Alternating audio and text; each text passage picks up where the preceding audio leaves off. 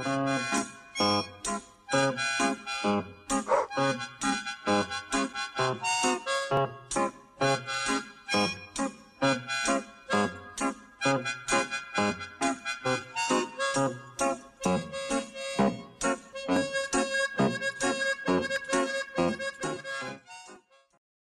datang di Kamar Podcast.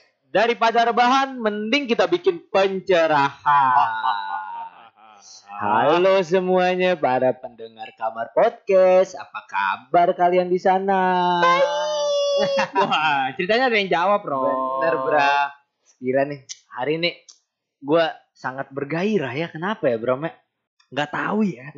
Mungkin gara-gara hujan, Mi. Bisa jadi. Tapi bukan gairah gara-gara hujan yang itu ya. Wah, bukan dong. Beda dong. Gitu. Ini kayak- Kenapa, Mi? kayak nih gue tuh pengen ngebahas sesuatu nih karena kita tuh kedatangan sosok yang sangat menarik Bram Menarik. Menarik. Bentar-bentar. Emang pengen ngebahas apa dulu nih, Mi? Kok Kita- langsung langsung kenalin aja, langsung menarik aja. Emang Soalnya apa tuh- sih, Mi? Ini ini apa sih? kayak Podcast ya, apa sih? tetap masih sama dan masih ibaratnya sama kayak kemarin ketika gue yang opening berarti kita akan ngebahas tentang pergaulan Pergaulan. Gila. Lu berani banget lu di podcast pergaulan lu yang buka. Emang segaul apa sih lu? bukan gitu kayak ibaratnya gue bukan gaul tapi gue suka merangkul orang-orang Oh, gitu loh Relasi ya. Iya, gue bukan gaul, tapi gue lebih suka gaul. merangkul orang-orang. Karena ibaratnya perbedaan perbedaan itu Perbedain. perbedaan Sudah susah ngomongnya. perbedaan maksudnya. Maaf maaf maaf. Lidah gue suka Perbedaan. berlibet gitu. Lidah gue nggak ada apa-apa loh Bram. Nggak ada apa-apa. Siapa bilang ada apa-apa? Nggak ada apa-apa kok. Masih sama kok. Tetap fresh dan bugar gitu loh. Jadi kayak ibarat perbedaan itu menurut gue Perbedain lagi Perbedaan. anjing. Lu yang butek Bram, gue bilang perbedaan. Perbedain, perbedain. Perbedain kan. Perbedaan. Perbedaan. Eh, bentar. Lu ngajak ngomong siapa, Bro? Eh, Itu ntar aja, ntar aja, ntar aja. Kacangin dulu, kacangin dulu. Pergaulan. Perbedaan tuh. Kita lurusin dulu Iya, perbedaan. itu akan menjadikan satu ketika kita mau merangkul, Bram. Iya. Tanpa pandang apa pun. Betul banget sih. Itu loh. Kalau kalau menurut gue Mi ya, kalau ngomongin pergaulan tuh nggak sesederhana itu Mi. Bener sekali. Kalau dalam bahasa putusnya nggak sesederhana itu. Betul. Kalau misalnya kita melihat atau ngobrol tentang perbi apa namanya pergaulan ya, Iya. pergaulan dalam sisi ah lo gaul apa enggak, lo segaul apa sih? Itu ya cetek ini ya. Cetek banget. Pergaulan menurut gua adalah gimana kita pandainya untuk membentuk suatu relasi yang akan nanti punya apa ya? Punya suatu keperluan, Iya, kebutuhan benar-benar. di feedback, masa depan feedback kita. lah ibarat feedback. gitu. Karena siapa tahu orang yang kita rangkul akan kita butuhkan di masa depan gitu. Betul. Itu yang kadang kadang orang tuh nggak apa ya nggak mikir gitu Mun. makanya ada orang yang memilah-milih pergaulan Betul jeleknya seperti itu kalau pergaulan tapi lo ti- tipe orang kayak gitu nggak sih mi lo milah-milih pergaulan Gak sih? Kalau Ya. gua tuh buat secara pribadi gua nggak memilah-milih, tapi ketika gua butuh apa, gua tahu nih, gua harus bergaul di situasi yang kayak gimana. Jadi Ih. berarti gua mengkondisikan sesuatu so. kayak gitu sih. si paham kondisi begitu Kayak gitu. tapi pergaulan yang paling apa ya paling the best banget sih buat lo tuh apa sih pergaulan seperti apa gitu loh Ya kalau buat gua dan di umur gua yang sekarang pergaulan yang menurut gua bisa dianggap pergaulan yang sehat lah ya. Itu adalah pergaulan yang menguntungkan satu sama lain. Be- betul bener bener bener bener bener setuju gue karena menurut gue juga kayak gitu mi Iya. kalau benar. misalnya pertama ya di umur sekarang ini kalau misalnya pergaulan itu nggak nguntungin ya buat apa ya itu Iya, betul, itu betul. realitanya aja deh betul betul kita betul. bukan bukan apa ya di umur sekarang bukan nyari hahinya doang Iya, nih ada sesuatu yang dicari ada yang sesuatu yang dicapai ada sesuatu yang dihasilkan Iya, gitu loh dan juga menurut gua kalau pergaulan sehat menurut gua say sehat ya Iya iya. kalau nggak sehat kan nggak perlu kita ngomongin di sini Iya. kalau pergaulan sehat menurut gua adalah pergaulan yang bisa membentuk karakter dia mi betul. betul kalau karakter masa apa namanya makan da- dah. Kenapa sih Bram? Saya kenapa sih? relax. Waktu itu ada orang ngomong mi, karakter lu dibentuk oleh pergaulan yang lagi lu jalani. Iya, benar. gitu. Tapi benar benar. kalau misalnya berkaca nih dari sebuah pergaulan, ada pergaulan, bukan pergaulan sih, kayak lingkup kecil lah, nggak usah Iya, pergaulan, pergaulan kan besar ya, yang membentuk karakter gua. Kacau Ush, tuh? apaan tuh Bram? Pergaulan yang membentuk karakter gua di mana gua lebih bisa menghormati sebuah keluarga, Iya. sebuah penghormatan terhadap apa namanya berbagai macam individu kayak gitu. Itu di banget nih. Tapi Iya, itu gue belajar dari situ. Betul. Adalah pergaulan sama salah satu temen gua yang berasal dari Indonesia Timur. Benar sekali. Pergaulan di keluarga Indonesia Timur lah. Iya. Itu yang mau kita bahas nih hari ini. Benar, benar. Tapi kan kita kan bukan dari Indonesia Timur ya. Gue Iya, orang betul. Gue Jamet, lu Batak ya. Ah, Bamet, Bamet. Bamet, Ah, Batak Bamet. Meta. Ah, gua tahu lo mau ngomong apa tapi nggak usah. tapi gara-gara ya tadi ya, Iya, gua iya. Jamet, lo Bamet, kita nggak punya apa ya, nggak punya hak untuk ngomong Benar. gitu loh. Takutnya ntar ada kesalahpahaman yang Iya. menimbulkan konflik. Betul. Jadi Maka makanya- dari itu, Romi, kita nggak berdua doang. Kita sama siapa sih, Mi? Iya nih, kayaknya nih kita mendatangkan narasumber yang tepat mungkin. Tepat banget lah, kacau gila lu. Aduh, Mungkin kita sambut aja kali ya. sambit lah enaknya emang gak usah sambut. Tapi kayaknya kalau kita sambut takutnya kepedean dia. kepedean Bang. Iya. tinggi banget. Iya, mungkin kayaknya dia memberi salam sendiri kali ya. Serah Tan- salamnya tanpa pakai apa? kita bahasa suruh. Ambon, pakai bahasa Ambon salamnya nih. Oke. Baiklah, enak Tanpa berlama-lama kita langsung oper ke narasumber kita. Yuk, tembak gas! jauh. Tembak lambung nih. Gaster. Halo, selamat malam semua. Pakai bahasa Ambon anjing. Beta seng bisa ya. Hehehe, Ambon banget. Kali. Antonius, Antonius Widi Kusumo. Selamat datang Anton. Thank you, thank you Di semuanya. kamar podcast. Apa kabar Ton? Baik, baik, baik, baik. Kacau lagi. lagi sibuk apa nih? lagi sibuk apa Ton? Biasa lah, sibuk aja di rumah kan lagi covid gini kan. Kemarin gue nelfon manajer lo gak usah kayak gitu ya Mi ya. Jangan dong. Gak Jangan, usah ya. jangan, jangan. Gak usah, gak usah kayak gitu. Lu tapi lu jadi orang yang susah banget gue hubungin lu. Kalau untuk acara-acara atau misalnya kesempatan-kesempatan seperti lu susah banget. Kenapa sih sibuk apa sih lu? Ya, gue sesibuk-sibuk kayak gue ya sibukin diri sendiri aja sih. Karena gini sih, menurut gue kan adalah waktu itu berharga ya. Udah mulai udah mulai main ke dalam-dalam nih. Iya. Waktu itu berharga sih menurut gue. Jadi gue harus mengatur waktu gue sebisa mungkin. Gimana gue waktu gue sama keluarga. Ini Gimana waktu gue dengan teman. gila family man banget gak sih lu? Gimana waktu gue dengan pasangan gue. Ini. Itu sih harus bisa gue atur sendiri sih. Ini dari makanya dari suaranya, dari penjelasannya, ini kayaknya apa ya sosok yang dewasa banget ya Mi ya. Bener banget nih. Tapi mungkin untuk pendengar yang nggak tahu nih Romi ya, Iya. siapa sih Antonius Widikusumo atau bisa kita panggil Anton atau Iya. Bon ya, Iya. karena dia adalah Bukan to the bone ya. bukan to the Bon, memang pamungkas ya. Pamungkas terus. Antonius Widikusumo adalah teman SMP kita ya Romi Iya, ya. bener Bram. yang apa ya notabene dia tuh guru gua, sahabat gua, keluarga gua, ah semuanya lah gitu loh. Dan kebetulan dia adalah orang atau masyarakat Indonesia lah pastinya yang Iya. berasal dari Indonesia Timur. Tepatnya di mana, Ton? Bukan berasal dari Indonesia. Tapi Gue sih dari Jakarta. dari Jakarta, Bokap tapi gue Jawa, nyokap gue Ambon. Be, Ambonnya dari Cuman keluarga keluarga Ambon gue dari Bere-Bere. Lebih tepatnya kampung Emas nih kalau ya lo mungkin nggak tahu ya. Nah, iya. Ya, itu di, Kenapa di Bere-Bere Batu Meja. Oh, bere-bere. Bere-bere batu meja. Enggak ditambahin bara-bara kan? Diu. Dari kali lawakanmu. Aduh. Sumpah ya Nggak Rome, apa-apa, nggak apa-apa. sumpah ya Rome, gue pengen nambahin tapi takut takut dipukul leher gue. Takut dipukul leher gue mi bere-bere Ya. di apa tadi? Bang? Kampung Emas tepatnya. Kampung Emma. Keluarga gue dari Kampung Emas semua. Tapi sejauh yang gue kenal lu, lu tuh apa ya? Lu nggak kelihatan Am- apa Ambon, nggak kelihatan Jawa banget ton. Lu Ambon banget, Ambon pride banget ton menurut gue. Karena gue dari kecil bokap gue Jawa, cuman dari kecil keluarga gue, keluarga besar gue, gue tinggal dengan dari gue lahir gue lebih dekat dengan keluarga Ambon gitu loh. Oh, dari berarti lo lebih dekat dari keluarga nyokap ya, lo ya. karena gue dari kecil tinggal bareng sama opah gue. Walaupun gue tidak terlalu merasakan karena gue umur 2 tahun dia udah meninggal, cuman keluarga besar opah gue tuh rata-rata tinggal di bareng gue gitu loh di situ. Awas lo bercandain anjing, lu pengen pengen ini kan opah gitu kan lo. Agak anjir sumpah. Gua gampar bener lo, gua Eh, gampar udah lo, Mi. ngomong serius tuh gua Anjing. mendengarkan gitu loh. suka gitu Bon, dia. Oh, opah. Nggak- nggak cuman Opah. dia sih lo juga bro. Makasih Anton. keluarga Ambon berarti itu nih ya. Iya, iya. Keluarga Ambon kental banget. Dan Iya. apa namanya melanjutkan dari cerita gua tadi Mi. Hmm. ya Keluarga Anton ini memberikan banyak banget pelajaran buat gua tentang apa ya cara menghormati keluarga lo sendiri, Iya. cara menghormati satu sama lain anggota keluarga yang lain dan itu Iya. gue pegang sampai sekarang. benar Iya. benar benar Intinya apa ya menurut gua eh mungkin teman gue yang Ambon eh Banyak.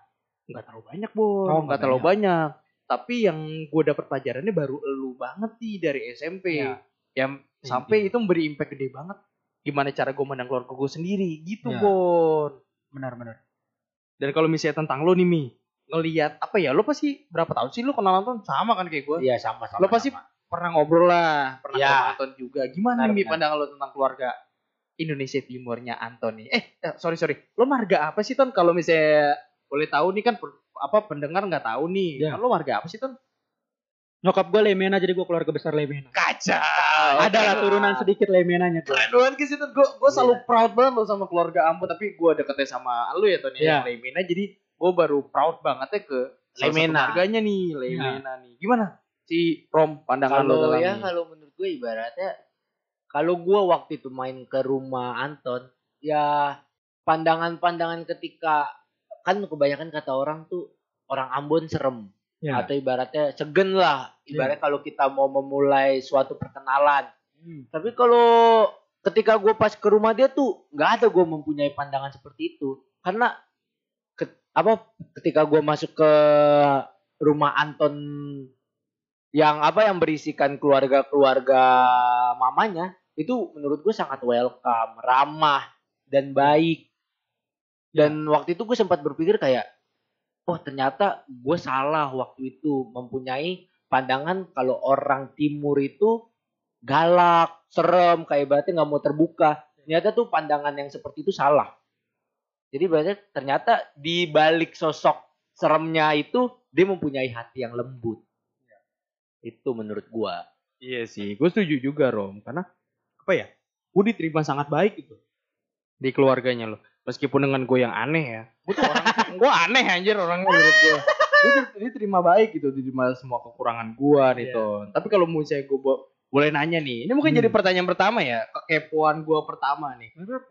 Kalau ngomongin pergaulan ya, Ya. pergaulan, komunikasi, sosialisasi nih dalam keluarga Indonesia Hmm. Timur lo nih, khususnya di keluarga Lemena, itu apa sih Bon yang bisa, lo bisa bagi ke kita kita nih?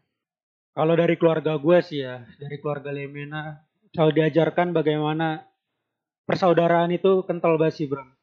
Mungkin bukan Lemena doang ya, di Ambon itu menurut gue persaudaraannya sih kental ya. Jadi gue diajarin dari kecil tuh gimana kita harus ngebela keluarga kita. Walaupun itu salah dan benar. Mungkin itu ada negatifnya, ada positifnya. Salah dan benar kita tetap harus ngedukung keluarga kita. Pokoknya gue diajarin dari kecil tuh apa pun tentang keluarga, keluarga, keluarga. Tentang itu aja udah. Dari keluarga besar Lemena sih selalu ngajarinnya itu, keluarga. Iya, itu itu itu ton. Kalau misalnya gue boleh jujur ya, Ya. itu yang gue tanamin sampai sekarang. Mungkin maksudnya awal gue juga apa ya punya kebanggaan sama Hmm. keluarga gue, gue bakal jadi keluarga gue. Iya. Ya hal-hal sederhana seperti itu gue udah punya sebelumnya. Tapi Iya. setelah kenal lu waktu itu pas gue masih SMP ya, Ya. gue makin bertambah pride gue makin membentuk gitu terbentuk gitu kalau misalnya keluarga adalah sesuatu atau misalnya bisa kita sebut rumah ya rumah Ya, terakhir ya, yang kalau misalnya lo mau pulang dari sejauh mana pun lo bakal pulang ke dia tuh Iya. Betul. makanya itu itu yang harus lo per- apa jagain lo lo harus pertahanin itu gitu loh Iya. iya nggak sih ton Iya. kacau ya berarti keluarga segalanya nih. Iya. apalagi sih Bon yang bisa dibahas nih dari keluarga Leimena nih apa sih Bon gue kepo banget nih semua tolong dong keluarin Bon gue kepo banget mungkin banyak yang bisa atau udah gue tahu tapi apa sih Bon yang gue nggak tahu tentang pelajaran-pelajarannya nilai-nilainya gitu loh Bon Gini. Oke, mungkin gue tidak terlalu banyak merasakan karena dulu oh, eh, kayak gue tadi cerita tadi gue umur 2 tahun, opa gue udah meninggal ya sekitar 2 tahun 3 tahun lah. Jadi gue tidak merasakan di mana kata nyokap gue, opa gue tuh kalau dulu nasihatin anak-anaknya cucu-cucunya itu bisa dari pagi ketemu pagi lah istilahnya. Jadi itu memang orang Ambon itu intinya pada dasarnya tuh mereka suka kumpul. Suka kumpul, mereka suka berpesta, mereka suka membagi cerita, suka cerita segala macam. Dia tuh paling senang dengan hal-hal itu. Makanya yang bisa gue dapat dari pelajaran gue di keluarga gue adalah kita boleh kumpul tapi bukan kumpul-kumpul yang sekedar cuman ketawa hahaha hihi hahaha hihi tapi kita juga harus ada pelajaran-pelajaran yang kita bisa saling sharing, kita bisa saling meng- mengetahui satu sama lain gitu loh. Kita bisa pelajari itu. Karena pelajaran kan kita bisa dapatkan dari orang lain juga, nggak cuma dari diri sendiri atau Iya, dari benar, ilmu benar, pengetahuan. Iya, ya bener Bon. Karena menurut gue, gue, gue kalau di apa ya, kalau di kumpul keluarga tuh gue jarang banget Bon. Kayak gitu, se seintim itu gitu. Iya. Makanya ketik, eh gue pernah pernah ini ya, pernah ada di suatu acara keluarga lu ya. Iya. Gue lupa deh acara apa itu ulang tahunnya Oma kayaknya. ya. Iya. Gue lupa. Dan itu ya Rom ya, Iya, bener-bener kayak apa ya? Itu mungkin kalau misalnya kita ngeliat dari permukaan nih, Ah. itu hanya sekedar ulang tahun Rom. Ya, Ya. ulang tahun gue, ulang tahun Anton, tapi ini ulang tahun Oma ya udah ulang tahun gitu loh. Tapi ini bener-bener dikemas secara intim dan satu sama lain tuh saling cerita. Iya. Itu yang bikin gue kayak, anjir, ini kan ulang tahun doang. Kok lu kayak ramah banget lu seterbuka itu sama keluarga lu. Dan itu bikin gue kayak, oh ini, ini nih yang harus gue terapin nih keluarga gue yaitu keterbukaan Iya. gitu. Itu itu yang gue pelajarin Rom. Eh Rom lagi Bon gitu Iya. loh Bon. Gila. sih. Puji Tuhan banget sih lo bisa belajar dari keluarga gue. kacau kacau tapi ini beneran ini beneran gue Iya. nggak peres lo ada di sini terus gue apa ya berkata positif tentang keluarga lo nggak ini bener-bener gue selalu cerita kok ke teman-teman gue kalau misalnya ada satu teman gue yang ngajarin banyak banget tentang kekeluargaan pertemanan nah itu lo itu lo bon apalagi bon apalagi bon keluarin bon mungkin pendengar gitu tuh kayak apa ya nggak tahu gitu. Dan mungkin pengen tahu gitu keluarga apa sih? Indonesia Timur spesialnya apa sih? Kayak gitu loh bon Sebenarnya sih mungkin ya kalau lo cerita kayak gitu mungkin simpelnya ya simpelnya gue cerita gini. Di acara Natal, di acara Paskah, di acara ulang tahun siapa pun keluarga gue pasti kita akan kumpul, kita akan satu dalam doa segala macam kita bikin lingkaran, kita bakar-bakar sesuatu walaupun kita tidak banyak yang harus mengeluarkan banyak duit gitu loh teman kita pasti akan melakukan hal itu karena intinya kita akan berdoa bersama kita akan berkumpul bersama ya keluarga keluarga di Ambon sih menurut gua beda lah dengan keluarga-keluarga Iya, setuju gua. Iya, setuju banget, setuju banget. Sampai doa bersama aja jadi salah satu momen yang emang krusial banget itu. Parah. Gue sih selalu merinding gue jujur aja gue merinding kalau gue lagi berdoa bareng-bareng sama keluarga gue gitu loh di mana Karena vibe-nya dapet Iya, banget benar. ketika Gaji. kekeluargaan Bener. kekeluargaan Benar, itu kental di dalam diri kita Iya. itu pasti bakal merasakan wah anjir ini suatu momen yang sangat Kacau, sakral. Iya, kacau. Karena Rob, lu apa namanya sering merhatiin nggak? Kalau misalnya tahun baru nih, Ah, jam 12 kan kita kudu ngumpul ya. iya benar. Mau berdoa bareng. Itu kalau gue pribadi kadang mikir atau ngelihat hal seperti itu kayak ya udahlah SOP aja gitu loh, Rob. Tapi kalau misalnya nih berkaca dari lu Ton, Hmm? gue yakin itu pasti jadi suatu momen yang krusial karena perpindahan tahun kan Ton. Itu yang kadang bikin gue berubah. Iya. Berubah cara pandang gue. Oh itu harus diseriusin lah kayak gitu. Ya Iya. masih Ton. Gila banget gitu. gue dari kecil itu setiap tahun baru teman-teman gue selalu ngajakin gue kayak ayo tahun baruan di rumah orang gitu loh tahun baruan di rumah orang segala macem bakar-bakar kita makan-makan minum-minum segala macem cuman gue dari kecil diajarin untuk kayak jam 00.00 di saat pergantian tahun atau di saat hari pertama Natal hari Natal pas di 00.00 kita kumpul bersama kita doa dulu lo boleh keluar tapi lo doa dulu di rumah gitu loh itu sih yang gue merinding dan kita kadang bergilir gitu loh bokap gua nyokap gua saudara gua om gua tante gua yang Iya, ikut. iya, Iya iya iya. Lu juga kayak gitu kan Rom? Iya, gue juga kayak gitu kok. Gila emang ya. Vibesnya tuh apa ya? Krusial banget Rom. Iya, itu benar. lagi merinding sih. Karena apa ya? Menurut gua kalau misalnya doa apa pas pergantian tahun itu kan ibadah mengucap syukur ya. Mengucap betul. syukur apa yang telah diberikan dan apa yang telah terjadi di tahun ini dan semoga menjadi pelajaran tentunya dan Iya. semoga menjadi suatu apa ya perkembangan di tahun depan gitu loh. Itu yang kadang hal sederhana yang kita sebelah matain Rom. Realitanya seperti itu ya. Ya, betul, betul. pencitraan nih sebelah matain gitu loh Rom. Tapi kalau melihat hal seperti itu gimana sih Rom? Maksud gimananya adalah itu kan tadi gue bilang hal sederhana nih. Ya. Hal sederhana dijawab sama Anton. Anton dari keluarga Ambon yang eh, melihat hal itu hal itu sep- seperti hal yang krusial banget nih Ton. Eh Bon. Nah kalau misalnya dari lu nih Rom, keluarga lu juga kayak gitu kan Rom? Kalau dari gua gua hampir sama kayak ibaratnya kayak gua melakukan rutinitas rutinitas kayak kayak keluarganya Anton tapi gua melakukan itu dengan dengan apa? Dengan konsep gua sama keluarga kecil gua. Kayak barat sama nyokap gua Ya. bokap gua adik gua. Gua bukan yang keluarga besar. Karena bukan bukan yang nggak mau tapi karena jarak jarak gua sama saudara-saudara gua tuh jauh. Karena Iya. saudara gua tuh lebih banyak di Medan atau enggak di luar kota. Jadi ya mau nggak mau kita ketika ada hal-hal yang penting ya kita ngumpulnya dengan keluarga kecil kita. Dan itu menurut gue juga sakral menurut gue karena ibaratnya itu adalah momen emas. Iya, benar. karena jarang ada orang yang yang apa yang mau melakukan seperti itu. Ketika apalagi kalau misalnya kita udah kerja. Gue yakin banget kalau misalnya ketika kita udah kerja tuh kita bingung. Kita mau milih kerjaan kita apa kita mau milih keluarga kita itu Ya, loh yang yang yang gue ibaratnya yang gue takutin Ya. jadi menurut gue kayak keluarga Anton itu apa mengajarkan banyak hal ke dirinya Anton Bener banget. karena mau gimana pun mau gimana pun masalah yang dihadapin Anton atau ibaratnya suka duka yang dihadapin Anton itu pasti bakal balik apa bakal balik lagi keluarga yang tahu pertama. Bener. Bener banget nih. Iya, jadi ibaratnya landasan landasan Anton kalau yang apa? Kalau yang gua tangkap dari cerita Anton ini landasan Anton untuk mau bergaul dan berteman adalah sebisa mungkin dia kenalan sama orang dan dijadikan teman dan se- apa ketika menjalani hubungan pertemanan itu dia menganggap temannya itu keluarga. Ya, itu menurut gua Karena gini Mi, yang gua tangkap. nyokap gue selalu ngomong, jangan pernah milih-milih temen. Karena Ya. kamu nggak akan bakalan mau kalau dipilih sama temen. Ya betul betul betul Ya betul kan? betul. Anjing bener. Iya iya iya iya Ton iya iya Ya Ton. kan? Gitu gitu gitu gitu. Nyokap gue selalu ngomong gitu. Kita nggak boleh milih-milih teman karena kita sendiri pun nggak mau kalau dipilih-pilih sama teman kita. Nah itu makanya gue kata teman itu gue ganti jadi keluarga. Siapa pun yang deket sama gue, gue udah anggap itu keluarga. Apa pun rasnya, apa pun agamanya sih gue udah nganggap dia kayak keluarga gue. Jadi siapa pun yang nyakitin dia, menurut gue, gue harus bertanggung jawab juga. Menurut gue. Cuman banyak perspektif kayak gitu yang orang-orang bilang, ngapain sih lu? Iya iya temen-temen benar lu benar. digituin, Benar benar benar belain, benar iya benar benar benar benar benar. Nah.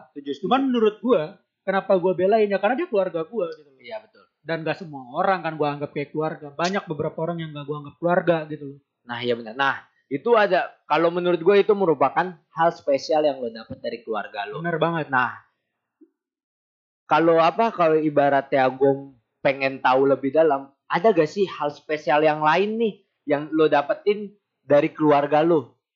Ibarat kan pas yang gue tahu tuh keluarga di Indonesia Timur itu sangat kental banget tuh. Kekeluargaannya itu sangat ibaratnya solid lah kalau misalnya dari kalimat-kalimat anak muda zaman sekarang. Iya. Nah, kalau menurut lo, lo mendapatkan hal spesial apa lagi di keluarga lo?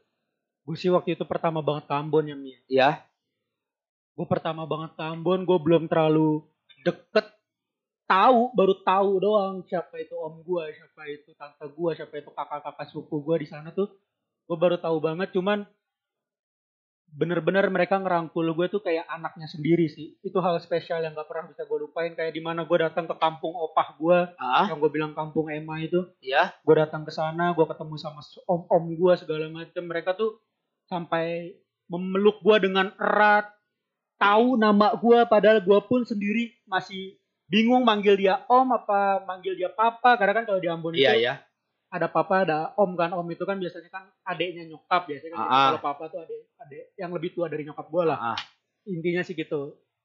Cuman gue merasakan kayak pelukannya mereka itu tuh udah menyambut gue kayak anaknya sendiri. Dan oh, di Ambon itu menurut gue gini kalau gue pulang ke Ambon gue nggak boleh tidur di hari pertama gue gue nggak boleh tidur bersama eh, tante gue karena tante gue Ah. kan Lemena ya, nikah sama yang marganya beda hmm, itu gue belum hari pertama tuh gue tidak bukan tidak dibolehkan gue apa ya sebisa mungkin jangan Ya. tidur di rumah tante gue dulu di hari Ah, pertama iya, Harus di ngerti. yang di om gue yang Lemena ya ngerti ngerti ngerti. karena kan dia memang keluarga Lemena gitu loh Ah, ah.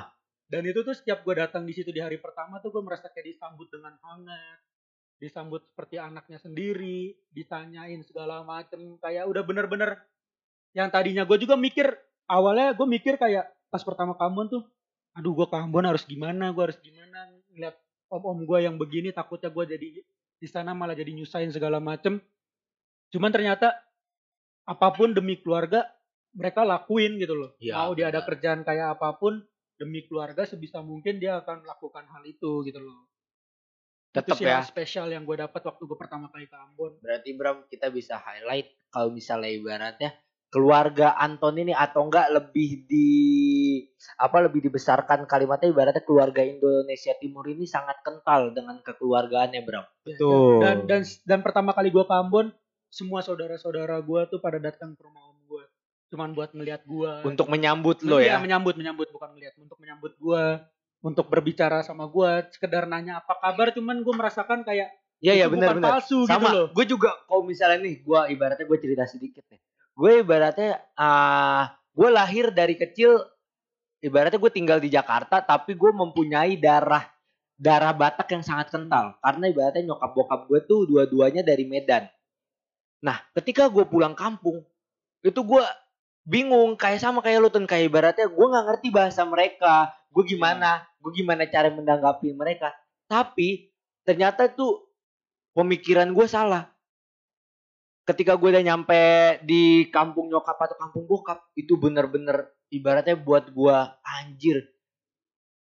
Apa keluarga gue sangat sangat mengharapkan gue dateng kayak ibaratnya oh akhirnya Romi dateng gini gini gue bener-bener ditawarin apa ditawarin itu habis itu kayak dia tahu nih gue dari eh apa ibaratnya Jakarta dikenal sama orang orang ibaratnya orang dari di luar Jakarta itu adalah kota.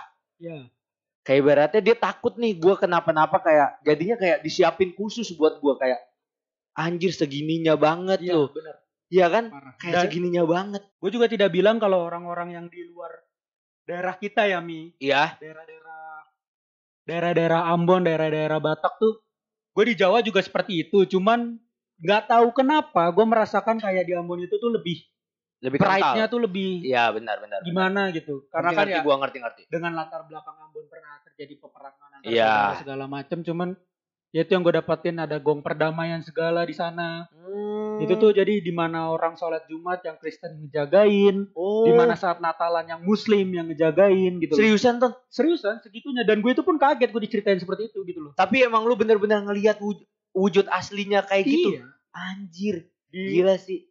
Parah makanya minggu gue ngelihat itu tuh kayak hanya sih sampai sekarang gue masih bingung kalau ada orang yang beda-bedain pertemanan benar dari, benar benar dari benar. agama apalagi kalau misalnya kayak ketika ketika kita menjadi kaum minoritas dan dan Iya. teman-teman kita mayoritas itu pasti kita adalah ada sat- apa salah satu tongkrongan yang menyudutkan. Benar benar benar bukannya benar, ibaratnya bukannya kita menjelek-jelekan atau gimana Enggak, tapi enggak ada. Kita ibaratnya- satu pihak enggak iya kesadaran masing-masing lah. Ibaratnya Iya. perbeda perbedaan itu udah bukan menjadi masalah iya. untuk sekarang. Karena ibaratnya kalau lo ngerasa kalau mungkin apa Bram sama Anton kalau lo ngerasa di zaman sekarang tuh malah perbedaan. Itu yang malah meng, memperat apa mempererat pertemanan kita. Ketika kita menjalin suatu pertemanan atau hubungan baik baik itu keluarga pertemanan atau apa itu kalau misalnya yang udah namanya perbedaan itu malah makin kental. Benar. karena kita sama-sama respect kayak ibarat kita berbagi pengalaman nih tentang tentang apa tentang kepercayaan kita masing-masing. Iya. kalau misal tapi kan ada juga yang ketika kita bercerita kayak eh ini kayak gini nih ibaratnya kayak pribadi gue kayak gini terus ada juga yang meng apa meng apa ya bahasa halus ya kayak menyindir lah menyindir itu menurut gue udah nggak wajar benar Kan- karena menurut gue ibaratnya di luar sana aja mereka-mereka yang yang mempunyai perbedaan menjadi satu. Ya. Kenapa di sini enggak gitu loh? Iya. Ya gue sih juga kaget sih Mi ya. Gue tahu gue sejarah-sejarah itu gila sih Mi sejarah di mana ada namanya perang saudara sih gila sih itu. Cuman Itu malah lebih kejam menurut gue. makanya cuman mereka bisa berdamai dengan masa lalu mereka tuh sih keren banget sih. Iya, ibaratnya kayak masa lalu mereka kayak dia dengar dari kaumnya mereka, dia Iya. dengar dari kaumnya mereka, berarti sama sama aja kayak mendoktrin. Iya. Tapi dia bisa mengatasinya gitu loh. Itu yang gue salutnya. itu sih yang buat gue kuat dan gue pernah pernah jatuh di satu titik kayak kok gue diginiin ya sama semua orang kayak dibeda-bedain. Iya benar-benar gue juga pernah merasa kayak Iya. gitu. Gue pernah dibeda-bedain sama guru gue, gue pernah dibeda-bedain sama teman gue. Cuman itu gue belajar lagi dari keluarga gue. Tergantung lu cara menanggapinya gimana. Iya benar. Gue juga punya om-om yang mungkin secara fisik kuat, secara mental juga kuat gitu loh. Dia mengajarkan gue banyak hal tentang kehidupan, walaupun tidak mengajarkan lewat kata-kata, tapi Iya, dia iya. mencontohkan bagaimana dia bisa berjuang dengan kehidupannya. Itu sih menurut gue keluarga di sana gila sih. Iya sih benar-benar. Gue juga, Persaudaranya kuat banget. ya, gue juga kayak ibaratnya apalagi gue pernah melihat sesuatu apa kayak ibaratnya suatu informasi dari gua. Ah ibaratnya kayak gue ngelihat di salah satu sosial media dia membuat video kayak ibaratnya dia ini orang timur. Ya. ketika kita melihat orang timur, otomatis orang-orang bakal menganggap kalau orang timur ini adalah kaum mi- minoritas. Ya, Ya kan, bukan begitu? benar. Dan, dan habis itu kayak dia bilang kayak lihat loh, apa kayak dia apa ngomong kita nih emang kaum minoritas. Ya. Tapi apa kaum minoritas itu bukan sejelek yang lu lihat. Ya. Kayak ibaratnya kita mau bergaul sama siapa pun Ya. gitu loh. Tapi ya balik lagi, balik apa ke pandangan orang masing-masing. Ya. Mereka menerima apa enggak? Dia. Makanya gue juga masih bingung sih kalau ada orang yang ngomong kayak Ambon itu keras. Memang Ambon itu keras. Cuman Batak pun keras kan? Iya, benar benar benar. Batak pun juga keras gitu. Jawa juga keras. Jawa pun juga Apa keras. lu? Bener. Bener. Jawa keras gila lu. Bener Jawa pun juga keras. Makanya kan orang keras itu kan sebenarnya juga dari dirinya masing-masing. Benar benar. Bukan dari dia suku apa, agama Iya, apa, betul bukan betul kan? betul. Sebenarnya semua orang keras, cuman kan pada porsinya masing-masing. Iya, benar. Dan orang timur itu kan dianggapnya dengan punya fisik yang maaf Kuat. kata berkulit hitam, Iya, be- apa lebih kuat segala macam. Orang berpikir jadi stigmanya mereka tuh kayak orang timur tuh serem kerjanya begini begini begini. Toh om gue juga kerjaannya debt collector kok. iya benar kayak Gua gua gua nggak pernah malu untuk mengakui kalau om gue itu debt collector. betul betul gitu. betul betul betul. Karena apa? Ya, yang yang gue lihat dari om gue adalah dia orang yang cerdas dalam berargumen gitu. Iya, Dia benar. orang yang cerdas dalam membaca situasi seperti apa gitu loh.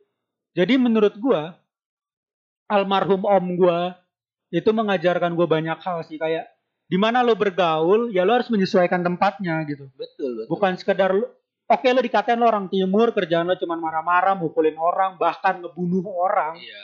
Cuman menurut gue bukan sekedar itu kok. Kalau orang timur tuh gampang banget ngebunuh orang atau Iya, mukul orang tuh nggak segampang itu. Mereka begitu karena mereka terlalu sakit hati gitu loh.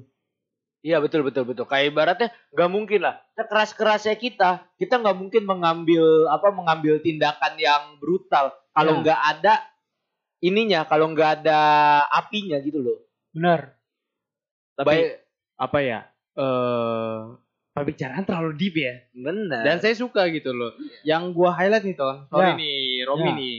Pengen ikutan ngobrol aja nih Romi. Kalau ngomongin soal debt collector nih, Bang Anton nih ya, kan apa namanya beberapa anggota keluarga kan ada debt collector ya. Ya. Dan secara realita, kadang kan orang melihat em, seorang debt collector itu sebelah mata ya, Ya. Bang Anton ya. Tapi kalau misalnya kita kita ka- ki- kita kita kita kita kaji tuh bertiga tuh. Kita, kitanya bertiga tuh. Ah, benar benar Nah, benar udah, benar. udah ngaco nih, tapi tetap fokus tetap. Fokus, fokus. fokus fokus fokus kalau misalnya kita kaji lebih dalam seorang debt collector bah, seorang debt collector itu seperti apa Ya. banyak banget yang bisa dipelajari. Benar benar. Berkat- apa namanya melanjutkan dari pembicaraan Anton itu yaitu cara berargumen ya Ton Ya, Itu benar. kecerdasan dalam strategi gimana sih cara Benar. komunikasi sama Membaca orang situasi. sehingga orang itu bisa mau ngobrol sama Ya. dulu nih lo ngobrol atau nggak ngomong dulu sama kita habis itu baru mau mau apa menyelesaikan masalah sama kita itu dulu itu apa ya hal sederhana yang kadang orang nggak tahu tentang Ya. debt collector gitu ya Iya. mungkin Anton ya dan itu bisa jadi pelajaran buat kita Rom Betul betul karena betul. apa Bram. ya eh, salah satu hal yang kalau bisa berkaca dari collector adalah komunikasi Bener. Benar benar. kalau ngomongin komunikasi yang jelek em, kalau misalnya di kehidupan sehari-hari lu punya karakter dengan komunikasi yang jelek lu nggak bakal bisa sosialisasi dengan orang dengan baik ya Ya. Ya, benar benar Karena- benar. karena sejatinya lu butuh komunikasi untuk apa ya meluruskan kehidupan lu sehari-hari gitu loh Hmm. hal sederhana aja lu nggak bisa gimana hal yang besar gitu loh Iya. dan dari dari nah, dan dari debt collector lu bisa belajar kalau hal sederhana seperti komunikasi itu bisa menuntun lo ke kehidupan lo yang lebih baik. Itu sih yang kadang Iya. bikin gue kayak lu jangan apa ya memandang pekerjaan dekolektor. Iya, underestimate dekolektor itu sebagai pekerjaan yang ece-ece ya. Karena susah sebenarnya jadi Susah, dekolektor. bro. Susah, bro. Susah banget ya.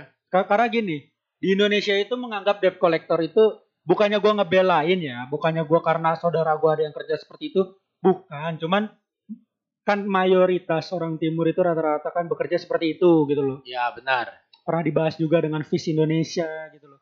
Dan dia menurut gue sih bagus sih itu. Karena orang-orang stigma orang Indonesia itu menganggap, debt collector korban itu soal eh korban apa eh, si peminjam uang ini ya, atau apa pun pem- pengkredit orang pengkredit barang apa pun itu menganggap kalau dirinya itu korban Betul betul betul Korban betul. nih. menganggap betul. dirinya korban Padahal dia punya tanggung jawab itu. Nah. dia punya kewajiban. kalau gitu. dia berani mengambil resiko itu berarti kan dia harus berani mengambil tanggung jawabnya juga dong ya benar. betul, benar benar benar. Iya, jadi banyak debt collector yang disalahkan karena kayak kenapa sih gue cuman ngutang kayak gini doang sampai dikejarnya segini lah itu kan kewajiban lu gitu loh. Karena Iya. itu yang makanya gue bilang kenapa debt collector itu pintar membaca situasi karena mereka pintar berargumen, mereka tahu situasi situasi yang pengen ditagih ini adalah begini. Jadi kan orang cuman ngelihatnya debt collector itu mungkin kayak zaman dulu kali ya, di mana nagih orang mukul-mukul orang segala macam. Mungkin memang masih ada yang kayak gitu. Cuman yang gue pelajari dari keluarga gue yang bekerja sebagai itu, yang di mana keluarga dari Ambon gue ini, om gue sendiri, almarhum om gue sendiri, menurut gue sih dia nggak pernah sih main tangan. Menurut gue, menurut gue nggak pernah main tangan karena mereka dia cuma butuh argumen aja. Mereka dia cuma menunjukkan surat-suratnya segala macem. Itu udah cukup sih menurut gue karena om gue sih pinter banget sih berargumen. sesuai SOP aja Iya, Tom, ya. bener. Karena maksud gua kalau misalnya sampai main tangan pun itu jadi pilihan terakhir ya. Iya ya. benar. Itu jadi pilihan, Pilihan terakhir karena debt collector itu terdesak sih menurut gue. Desak ya. Karena rata-rata mereka kan punya backingan lah dari ormas Iya. apa dari mana gitu kan. Tuh. Ya pasti kalau misalnya nih ya, apa namanya pendengar ya, kalau m- melihat seorang debt collector itu jangan dari sisi buruknya aja. Iya. Kita harus dari dua sisi lah kalau sisi, sesuatu. benar.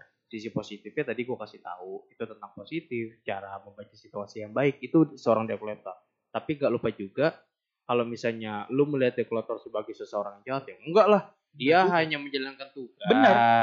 Terlebih kalau misalnya lu dengar dari dari orang yang ditagih yang selalu bilang dia korban ya itu salah, itu tanggung jawab lu, Bray. Bayar lah gitu loh. Iya. Itu kasarannya tuh ya, itu Iya. realitanya Iya, yang kadang realitanya. yang kadang kalau misalnya orang lihat ya developer jahat lah, ya nggak gitu gitu loh. Benar benar Tolong benar cara benar. ca- apa apa namanya rubah cara pandang tentang developer ya. Dan gua nggak senang kayak gini loh. Banyak orang yang kayak cuman berla, berlogat timur, berlogat ya, berlogat timur, terus dia langsung ngomong kayak orang Ambon tuh, orang Ambon tuh, kayak Iya. gitu. Iya, Sama aja kayak lo denger logat Sumatera pasti orang akan ngomong Batak tuh, Batak tuh, kayak gitu Bisa loh. aja kayak ibaratnya orang Jawa yang tinggal lama di di apa di timur dan ibaratnya Iya. dia harus mengikuti logat logat itu dan pas balik lagi ke tanah apa ke daerahnya dia tiba-tiba ketemu orang baru di daerah Iya. apa di daerahnya dia dia lagi ngomongnya kayak gitu pasti langsung dicap wah ini orang sini nih orang sini Iya. nggak kayak gitu sebenarnya Iya.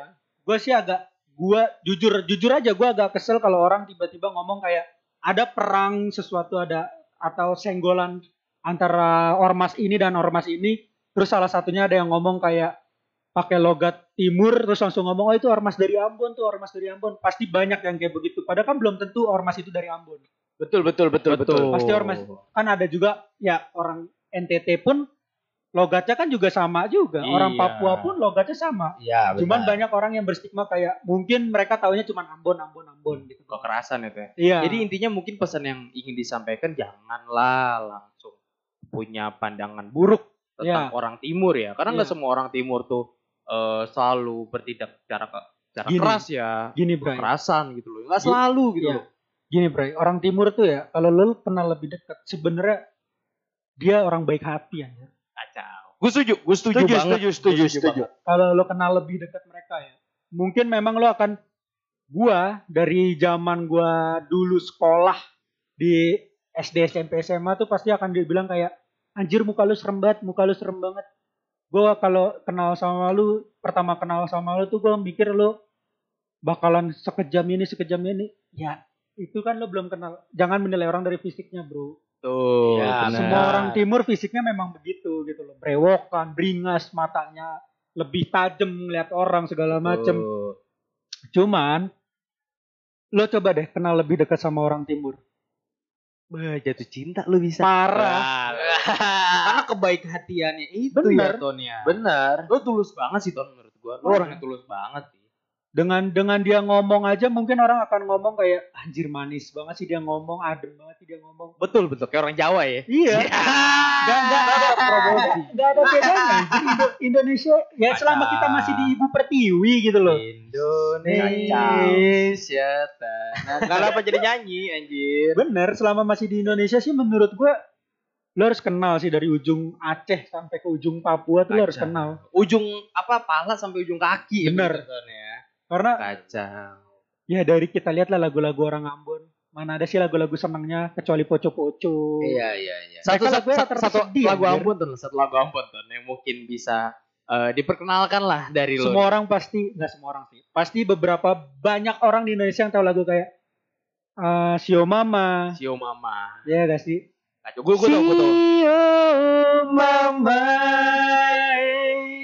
Beta rindu mau pulang. Nah, Idi, gue tau gue benar. makanya lagu-lagu orang Ambon tuh ya kayak eh Parsapalai beta pun cinta Ini, ini, ini, Nah, ini, ini. itu tuh- Cakep. boleh muka sangar tapi hatinya tuh tetap bisa galau gitu loh Benar benar benar. Tapi kalau orang Ambon galau tuh nyiptain lagu kenapa sih tuh? Lagu lagu-lagunya ngena banget lagi menurut gua. Ya almarhum kakak Glenn sih yang buat Ambon jadi kota musik menurut gue Idi. benar benar Tapi benar kita, benar benar benar. kita selalu doakan kakak Ambon ya. ya sih. Apa Glenn Fredly ya, Iya, supaya mendapat ketenangan Amin, di sana, amin, amin, amin, amin. surga terbaik dari Tuhan. benar benar benar. Betul betul betul. Tapi Ton, Ya, stay on track nih. Pertanyaan selanjutnya nih. oke. Kayaknya semua apa yang ada di podcast ini sebenarnya kekepoan gue sama Romi ya. Karena Iya. kita Benar kan dari benar etnis benar. yang berbeda ya Romi. Kita Ya kepo betul banget betul. Apalagi kita bertiga nih salah apa ibaratnya kita berteman dengan suku kita masing-masing. Iya. Nggak satu nggak satu suku. Bener. Iya, kepo aja gitu ya Romi ya. Iya benar benar. Pengen benar. nanya nih, Ya. nilai-nilai apa aja sih yang bisa didapatkan dan selalu banget lo pegang dalam diri lo. Mungkin lo tadi udah udah ngomong, lo udah cerita, tapi mungkin pendengar kita pengen tahu secara ajak nilai-nilai apa aja sih yang lo pegang sampai saat ini, sampai kehidupan lo saat ini yang selalu pegang dari keluarga lo. Oke. Nilai-nilai dari keluarga gue itu tadi gue bilang keluarga. Apa pun yang terjadi tetap ke keluarga. Entah keluarga yang orang tua atau nanti di saat kita berkeluarga dengan istri dan anak-anak kita. Itu nilai-nilainya. Kedua, jangan pernah membeda-bedakan suatu ras, agama, golongan atau apa pun itu.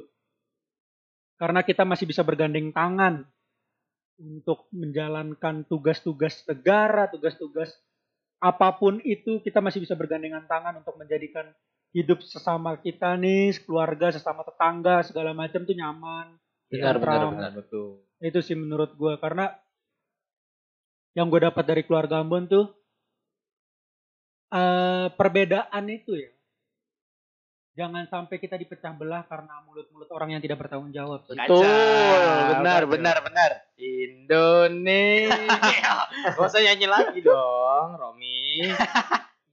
Kacau sih Tom, benar benar benar benar benar. Hmm. Pelajaran tersendiri buat gue dan Romi yang merupakan dari etnis yang berbeda ya, lagi-lagi Betul ya, Romi betul ya. betul betul. Dan mungkin Ton, Ya. Bukan mungkin lagi sih karena misalnya lo dijemput nih sama sopir lo di depan. Kan lo artis baru nih. Kita akhiri aja kali ya. Ton ya. Tapi mungkin untuk closingan nih. Pengen kali denger quotes nih Ton. Nah, kira-kira ada quotes gak sih yang bisa dibagikan entah dalam bahasa Ambon atau emang quotes dari pribadi lo itu kan suka banget bikin puitis-puitis gitu kan. yang Benar mungkin benar. bisa dibagikan ke pendengar kita ya nantinya bakal jadi suatu prinsip ya siapa tahu ya Mia nggak ada yang Benar benar tahu. benar benar benar. ada nggak sih ton monggo dibagikan ton Kalau kata orang Ambon itu hidup orang basudara gandong, sagu salempeng patah akang bagi dua. Apaan tuh Ton artinya Ton? apa deh Intinya sih kita tuh hidup sebagai bersaudara semuanya, satu gandong, satu satu darah, Mm-mm. satu darah dalam arti satu ibu pertiwi gitu loh.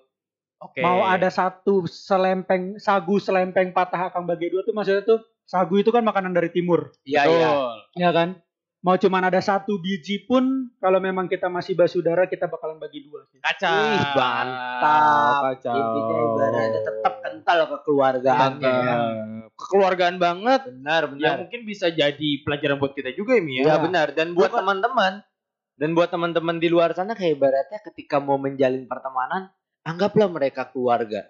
Karena ketika kita sudah berkeluarga, kita nggak bakal mikir jelek ya. Ketika ada jeleknya pun kita bakal berusaha untuk menghilangkan jeleknya itu. Betul. Gini sih, gue pengen nambahin satu sih.